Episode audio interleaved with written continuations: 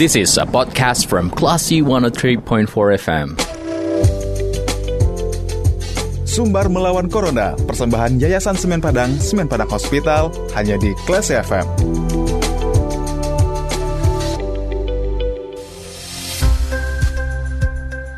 103.4 Kelas FM, this is the actual radio. Selamat sore Classy People, saatnya Anda mencermati sumber melawan Corona persembahan Yayasan Semen Padang dan Semen Padang Hospital. Bersama saya Yuri dan kita sudah terhubung bersama Nur Leli, jurnalis TV atau penyintas COVID. Dan kita akan membahas mengenai waspada terpapar COVID-19 dari acara resepsi pernikahan. Kita langsung sapa. Halo, selamat sore Kak. Halo, selamat sore. Selamat sore, apa kabar? Alhamdulillah baik. Alhamdulillah. Nah, Kak, kita akan ngobrol mengenai uh, ini waspada ya terpapar uh, COVID-19 di uh-huh. acara resepsi pernikahan. Nah, yeah. sebelumnya Kak Leli ini pernah uh, terpapar COVID dulu ya? Ya, uh, kami saya dan suami ya awalnya itu di akhir di akhir Agustus kita tanggal 28 Agustus 2020 uh -huh. uh, di situ awalnya mungkin ya wa udah warning kali ya diawali dengan suami yang demam yang sempat uh, flu hujan-hujanan terus kami harus menghadirin uh, resepsi sepupu -huh. sepupu suami yang uh, di di hotel ya di hotel dari pagi sampai juhur uh-huh. dan menjelang asar lanjut lagi di uh, di restoran untuk acara uh, untuk acara resepsi lainnya dengan keluarga yang lainnya. Nah itu sampai malam. Nah sepulang dari resepsi itu suami besoknya meriang meriang uh-huh. tapi harus kerja uh-huh. dan dia pulang uh, dalam kondisi hujan-hujanan dan besoknya uh, benar-benar uh, terkapar lah ya atau memang udah demamnya tinggi. Nah uh, itu demam dua hari. Demam dua hari, uh, aku pikir demam biasa ya dikasih konsumsi obat aja penurun panas. Nah setelah dua hari agak mendingan, aku uh, tanggal empatnya itu uh, kena demam. Okay. Uh, uh, demam dan Jumatnya itu dari pagi sampai sore pak demam tinggi terus, dikirain demam biasa. Uh-huh. Kita coba bawa ke klinik, uh, klinik nolak itu kita coba bawa ke dokter khawatir uh, nanti difonis COVID dan akhirnya harus isolasi. Nah jadinya uh, konsumsi obat sendiri. Nah ketika sudah besoknya di hari Minggu ya, di hari Sabtu ya, di hari Sabtu udah mendingan. Uh-huh. Cuman aku sempat uh, itu uh, hilang penciuman, uh-huh. tapi nggak nyadar kalau itu udah terpapar COVID karena sebelum-sebelumnya aku suka uh, sering flu ya, ada gejala sinus juga, mm-hmm. dan suami juga makin drop. Uh, akhirnya kita putuskan dan sempat uh, dan aku juga sempat sesak nafas uh, seharian, uh, sempat kawat uh, sempat kayak mau unfall gitu ya, nggak uh, bisa bernafas sama sekali. Tapi coba coba coba memotivasi diri sendiri. Aku nggak apa-apa aku nggak apa-apa gitu akhirnya mm-hmm. uh, udah mendingan dan mendingan. Tapi dua kali sempat juga uh, sesak nafas. Akhirnya uh, konsumsi obat obat penurun panas lagi. Alhamdulillah udah tenang gitu nggak apa-apa nah uh, baru besoknya suamiku yang hilang penciuman dan akunya sudah agak mendingan hmm. lalu kita rapid rapid uh, itu uh, dinyatakan uh, kita masih re non reaktif Nah, okay. rapid kedua seminggu kemudian, uh-huh. aku masih non reaktif, suami yang uh, rapid apa uh, reaktif. Mm-hmm. Nah, ketika reaktif itulah uh, tanggal sekitar tanggal 7 tanggal 7 uh, Oktober ya, mm-hmm. uh, September Oktober, tanggal 7 Oktober akhirnya diputuskan untuk uh, swab. Nah, di swab 10 hari swab akhirnya keluar. Uh, ketika kami swab sudah dianjurkan untuk isolasi mandiri di rumah karena kami cuma berdua. Mm-hmm. Uh, akhirnya kami isolasi mandiri aja, suami isolasi mandiri dan aku masih aktivitas. Cuman kami sudah mereka sudah memang melakukan jaga jarak ya, jaga jarak uh, bahkan pisah kamar, pisah tempat tidur, mm-hmm. pisah makan, pisah interaksi segala sesuatunya pisah itu selama 10 hari, 14 hari. Akhirnya uh, hasil suami aku positif dan aku dia disarankan untuk swab juga. Nah, ketika aku swab hasilnya tiga hari kemudian dinyatakan positif uh, COVID. Nah, positif COVID suami aku sudah mendingan. Nah di situlah aku uh, terasa mulai loh ini di kemarin kemarin sih um, ketika hasil reaktif eh non reaktif kita sih aku nggak apa-apa gitu. Ketika hasil swab dinyatakan positif aku selama 14 hari bahkan ya itu makin drop makin Mhm, drop gitu. Ya seperti itu mbak.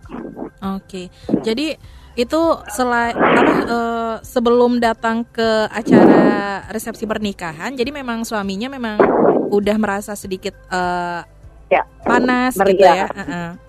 Dan Ah, dia mm-mm. ya gimana? Gimana kak?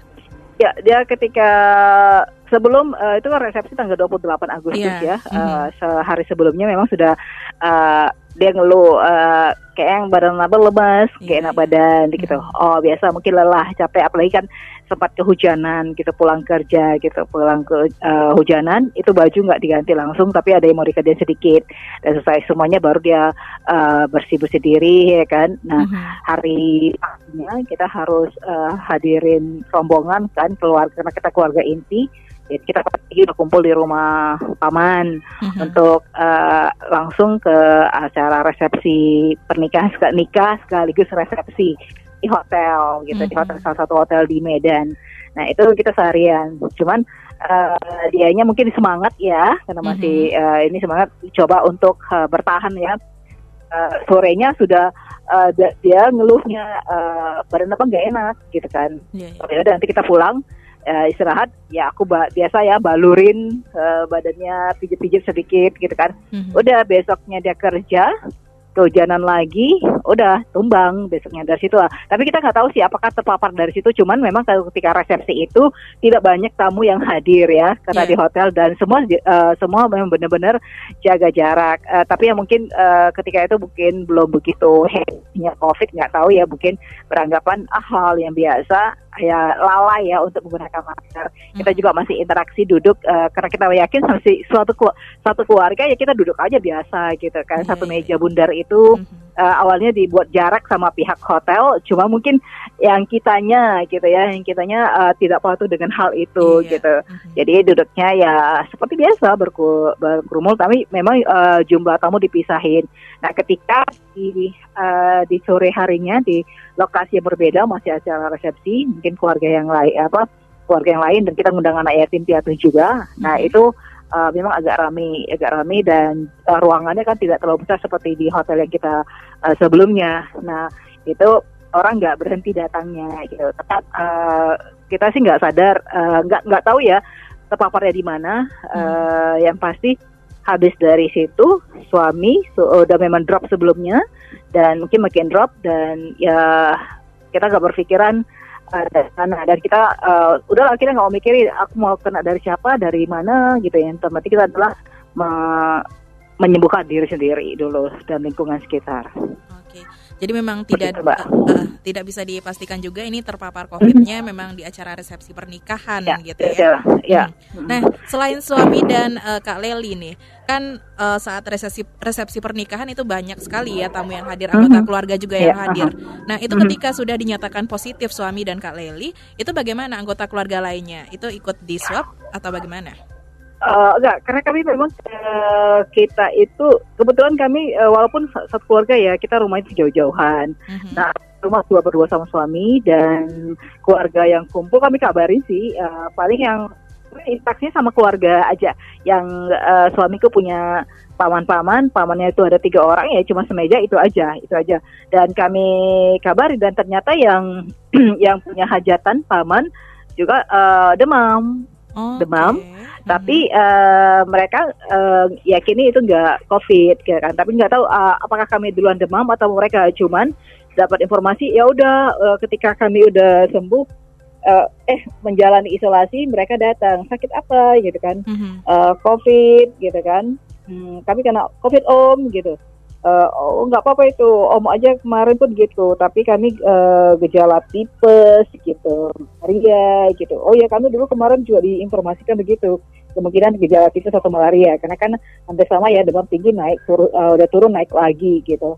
Eh, si paman bilang eh, si tante juga kemarin gitu. Kami juga keluarga begitu. Tapi ya alhamdulillah bukan covid. Ya kami informasikan untuk paling kami menginformasikan sama keluarga yang ketika resepsi itu uh, menginformasikan kalau kami COVID itu lebih kepada mereka supaya tidak datang ke rumah gitu. Uh, kalau jenguk ya udah sebatas pagar aja nggak usah masuk dalam uh, halaman apalagi masih menginformasikan uh, kalau kami uh, untuk sementara tidak melakukan aktivitas dan interaksi dengan siapa pun di rumah saja untuk isolasi mandiri kalau memang ada berni apa sekedar menjenguk ya pasti pagar aja atau ingin sekedar mensupport gitu kan ya sebatas pagar aja seperti itu uh, yang jelas uh, ketika kami informasikan mereka coba ini juga ya, ya uh, cobalah kami sarankan juga coba dicek mm-hmm. lakukan rapid atau gimana gitu uh, mereka sebagian ada lakukan tapi tidak apa-apa oh, dan mereka okay. clear tidak yeah. uh, tidak terpapar uh, mm-hmm. COVID. Iya. Nah itu Kaleli uh, menjalankan isolasinya itu di kota Medan ya? Iya, di, iya. di Medan. Iya. Nah, itu bagaimana Kak penanganan di Medan untuk uh, warga yang terpapar COVID-19? Mungkin bisa diceritakan secara singkatnya. Ya, Kak? karena kami kemarin uh, kami melakukan swab itu di Dinas uh, Kesehatan Provinsi ya, Provinsi mm -hmm. Sumut. Terus ketika hasil swab keluar, ketika suamiku seperti setelah dia swab jaraknya itu sekitar tanggal 15 hasil swabnya keluar. Mm -hmm eh, iyalah ya, uh, bukan uh, sekitar 23 ya, 23 hasil swabnya keluar uh-huh. dan aku di sore harinya swab uh, melakukan swab di tanggal 6 hasilnya keluar. Nah di pihak dinkes provinsi menyarankan untuk melapor kepada uh, dinas uh, puskesmas setempat yang Kota Medan. Nah aku coba hubungin, uh, aku coba konsultasi. Uh, terus selanjutnya Pak setelah saya melaporkan ke dinas pro, uh, ke ke puskesmas setempat itu selanjutnya apa? Ya isolasi mandiri Bu. Nah selama selama isolasi mandiri itu kami apa yang kami dapatkan gitu coba mm. tanya ya. Yeah. Uh, kita kan jurnalis uh, suka ini suka mencari tahu ya. Mm-hmm. Uh, ya ya isolasi mandiri aja uh, tidak ada bantuan obat-obatan atau gimana? Enggak Bu, karena Ibu kan uh, isolasi uh, mandiri dan status OTG. Jadi segala sesuatunya dilakukan mandiri. Oh oke, okay. saya coba konfirmasi. Tapi coba konfirmasi ke dinas uh, Kota Medan, uh, Puskesmas Kota Medan. Aku coba hubungi camatnya mm-hmm. dan disarankan telepon coba kontak uh, kepala puskesmas dan aku coba tanya mereka bilang uh, ini coba diusulkan gitu ya begitulah akhirnya ya memang melakukan isolasi mandiri tapi uh, di, tetap dikontrol sama dinas uh, sama uh, puskesmas kota Medan puskesmas setempat ya kecamatan di tempat aku tinggal gitu mm-hmm. dan, dan juga petugas APD langsung datang mm-hmm. ke rumah yeah. dan didampingi sama Kepling uh, melakukan swab lanjutan uh, terutama kepada suami dan mereka juga sekedar ini ya uh, mengirim uh, apa yang perlu dilakukan, apa yang obat yang dikonsumsi gitu dan rumah kami sempat disemprot disinfek, disinfektan juga dan di dalam rumah, di teras bahkan di di beberapa rumah di sebelah rumah kami seperti itu uh, yang dilakukan setelah kami melapor kalau kami uh, terpapar COVID-19. Oke. Nah, pengecekan itu dilakukan oleh pihak Puskesmas uh, dalam jangka waktu berapa kali seminggu atau berapa kali sehari gitu? Uh, ketika semprot itu dua kali ya ketika suamiku dan aku dinyatakan positif. Dua kali disemprot dan mm-hmm. petugas APD datang juga dua kali melakukan uh, dinas ini ya uh, puskesmas setempat didampingi sama Kepling. Itu mereka melakukan pengambilan swab eh, pengambilan iya pengambilan swab kedua untuk uh, uh, untuk melihat apakah masih positif atau negatif. Itu uh, petugas yang datang ke rumah dua kali lah datang ke rumah uh, satu sama suamiku dan satu lagi sama aku uh, untuk melakukan pengambilan swab kedua lanjutan. Oke, jadi memang uh, cepat tanggap juga ya. Iya, uh, respon cepat uh, tanggap. Respon ya. cepat tanggap juga. Keplingnya juga uh, cukup ini ya, cukup mengontrol kita dan yeah. terus uh, menghimbau warga sekitar juga. Tapi ya alhamdulillah sih uh, warga di sekitar kami juga melakukan semacam apa ya? Uh, terkadang ada yang beberapa daerah harus dikucilkan, sampai mm-hmm. harus diusir gitu yeah, ya, yeah, yeah, sampai yeah. harus bagaimana dan alhamdulillah di tempat tinggal kami sih baik-baik saja yeah, gitu kan. Yeah. Walaupun mereka tahu kami terkena COVID, virus COVID, ya kebetulan memang juga rumahnya ya namanya komplek ya sebelah sebelahan interaksi mm-hmm. juga cukup jarang dan uh, sempat nanya kok pakai masker terus oh iya bu kami dalam masa pemulihan ya udah mereka uh, tetap menyapa setiap pagi kalau jumpa ya disapa gitu mm-hmm. uh, tidak ada berusaha untuk uh, mengucilkan, mengucilkan atau bagaimanapun. Iya. Dan itunya itu. itu pasti pun uh, menjadi support ya biar Ya, Iya, jadi ya, ya uh, sendiri. satu mungkin yang Mhm. uh, mungkin aku sharing pengalaman juga ketika seorang COVID, uh, seorang ya gitu, aku kena COVID, uh, bukan berarti uh, harus jaga jarak itu putus komunikasi. Kita memang harus Iya, jaga jarak, betul. bukan berarti harus putus komunikasi. Apalagi uh, kita kita kan jurnalis banyak ya grup-grup dan lainnya. Ketika Iya, iya. dalam kondisi sehat, Mhm. uh, kita uh, cukup interaksi grupnya tinggi. Ay, apa kabar? Segala sesuatunya diomongin. Nah, ketika mereka, uh, ketika sebagian tahu uh, kitanya kena COVID, loh jaga jaraknya kok memutuskan komunikasi gitu. Iya. Aku sempat drop gitu, sempat down Mhm. juga. Uh, loh kawan-kawan kenapa begini ya gitu kan? Uh, Uh, boleh uh, sempat nanya kami harus nanya apa? Kalau nanti mm, ada yang merasa kalau kami nanya-nanya nanti uh, Kak Leli sedih makin uh, makin merasa di ini ah, halo bilang aku nggak uh, pertanyaannya itu nggak mesti harus uh, gimana Leli apa lagi yang kena? Kenapa bisa kena? Nggak itu lagi yang ditanya gitu. Nggak Mhm. Eh, dari mana kenanya kok bisa kena? Eh, gimana rasanya nggak itu lagi nggak itu Iya, lagi iya. ditanya. Semangatnya Leli gitu kan. Eh, cepat sembuh ya gitu kan. Eh, bukan berarti kita harus minta bantuan gimana gitu kan. Eh, sekedar apa kabar Lel? Gimana? Perkembangan. Semoga Udah cepat sembuh ya. gitu ya ya. hal-hal yang yang membangkitkan imun lah semangat lah Iya. gitu kan. Walaupun ya akhirnya aku dapatkan dari kawan-kawan yang kuliah yang kita jarang justru jarang eh, ketemu gitu kan video eh, mereka tanpa nanya langsung video call bisa dengar kabar aku covid. Eh, langsung mereka langsung video call. Dan yang dibahas itu nggak lagi soal sakit tapi membahas eh lalu kok harus ini cerita masa-masa lalu. Jadi Iya, terakhirnya kita ketawa happy yang penting happy segala macam. Itu jadinya eh, bener-bener wah aku merasakan eh, ketika ketawa habis-habisan ngakak kita lucu-lucuan rasanya kok aku bahagia dan eh, itu eh, imun terasa naik dan aku Iya. merasa segar gitu. Jadi ya aku bilang sama kawan-kawan, eh, kalian boleh memang eh, memang dianjurkan jaga jarak, tapi bukan memutus komunikasi gitu kan. Eh, Iya. jaga jarak, tapi komunikasi juga dijarakin, ya nggak seperti itu. Itu yang salah itu yang seharusnya yang bagi-bagi orang yang ketika ada teman, sahabat, relasi, keluarga yang dilakukan jangan lagi "Eh, gimana kok kenanya, Eh, kok bisa kena, siapa sih yang mau kena ya kan? Siapa yang mau eh, sakit eh, seperti itu? Ya Iya, paling iya. support eh, apa yang kalau kalau memang ada rezeki berbagi, apalagi Iya. bagi orang yang memang eh, ekonomi terbatas gitu kan. Mhm. Dalam arti terbatas bukan miskin, bukan dalam arti ini ya memang kadang kan kita satu hal se seminggu pertama itu memang nggak boleh keluar ya, Mhm. nggak boleh interaksi, apalagi kebutuhan rumah, kebutuhan rumah yang nggak ada ya titip gitu. Eh, kalau memang perlu dibantu ya dibantu seperti Mhm. itu. Ya, benar banget Nah, ya. Eh, support dari orang-orang terdekat walaupun mungkin isolasi Iya. mandiri nih kita lagi sendirian gitu ya di dalam satu ruangan, tapi kita merasa Uh-uh. rame gitu. Ketika Iya. teman-teman eh, Semua temenin, heboh, ngobrol nelpon, gitu. gitu. Iya.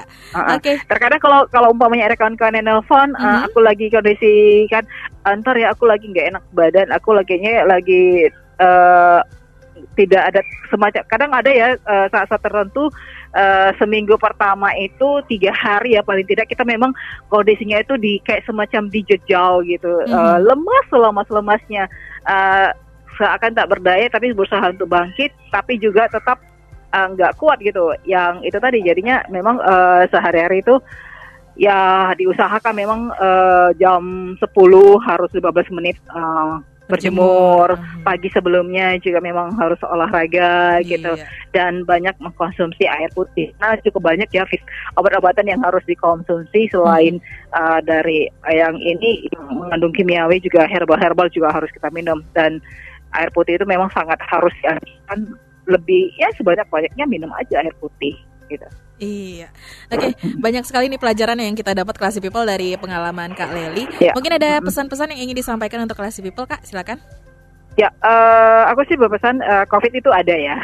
COVID Mhm. itu ada, virus itu masih ada dan kalau setiap orang itu berbeda ya apa ya terjangkitnya ya. Ada yang memang langsung yang perutnya nyeri, dadanya sesak, nafasnya ini eh, nggak bisa hi- hilang penciuman. Ada yang gejalanya juga kayak mulus-mulus, mulus-mulus. gitu. Kalau aku kemarin eh, memang badan itu rasanya lunglai persendian itu eh, ini eh, benar-benar ngilu gitu dan COVID itu ada, uh, hanya saja uh, kalaupun ada kasus-kasus meninggal dalam beberapa hari meninggal, ya itu biasanya ada penyertaan gitu, ada penyakit komorbidnya. Yeah. Nah ini harus diwaspadai. Kenalilah diri, kenali kesehatan diri kita ya diri sini kita sendiri. Dan aku cukup lama untuk sembuhnya karena memang ada komorbidnya. Komorbidnya aku tuh awalnya aku dari SD, eh, dari SMA ya, eh SD sebenarnya sudah ada uh, ini bronkitis. Nah ketika kena COVID kok ini Leli nggak sembuh gitu. Mm-hmm. Uh, akhirnya dilakukan ronsen, ronsen gitu ronsen hasilnya dapat bronkitis kronis. Nah uh, seminggu penanganan COVID selanjutnya lebih penanganan pada bronkitisnya. Jadi kenali diri uh, penyakit apa sih yang ada di kita ya itu harus uh, inilah harus uh, jaga kesehatan lah. Nah yeah. jaga jarak, uh, jaga jarak menggunakan masker dan ya rajin cuci tangan itu memang dianjurkan. Selama uh, kena covid itu aku berusaha karena kita hidungnya mampet ya. Uh, hidung mampet ada sesak. Aku berusaha setiap saat itu uduk gitu. Beruduk. Jadi uh, benar-benar steril uh, terkesan parno gitu. Tapi memang harus dilakukan uh, uduk. Dengan uduk itu kita uh, jadinya uh, rongga hidung ke tenggorokan itu memang membantu. Bagi aku mungkin bagi yeah. yang lainnya yang lainnya tidak tapi yang terpenting adalah uh, yakinlah COVID ini ada.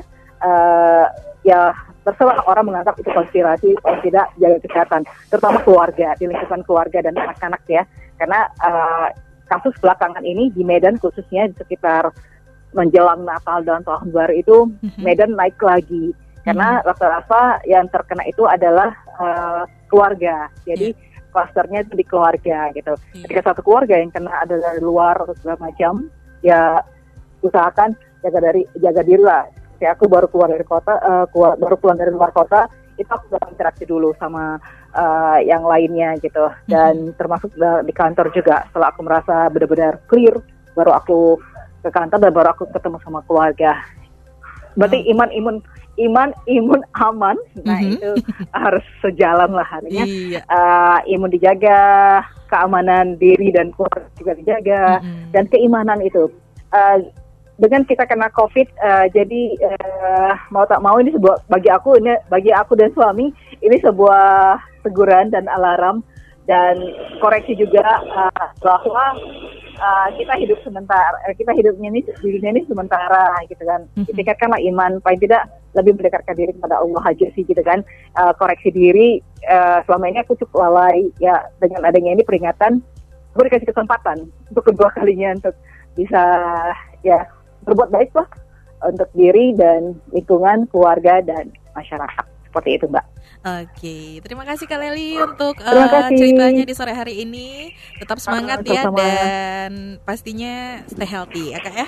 Ya. Okay. Salam sehat semuanya. Oke, okay, selamat melanjutkan aktivitas kembali. Assalamualaikum. Terima kasih kembali. Waalaikumsalam warahmatullahi wabarakatuh. Baiklah si people, demikian obrolan kita bersama Nur Leli, yaitu beliau jurnalis TV ya. Dan nanti kita akan balik lagi kita ke program selanjutnya. Terima kasih. Anda sudah mencermati program Sumber Melawan Corona, persembahan Yayasan Semen Padang, Semen Padang Hospital. Anda juga bisa mencermati podcast obrolan ini di www.classfm.co.id atau download aplikasi Class FM. This is a podcast from Classy 103.4 FM.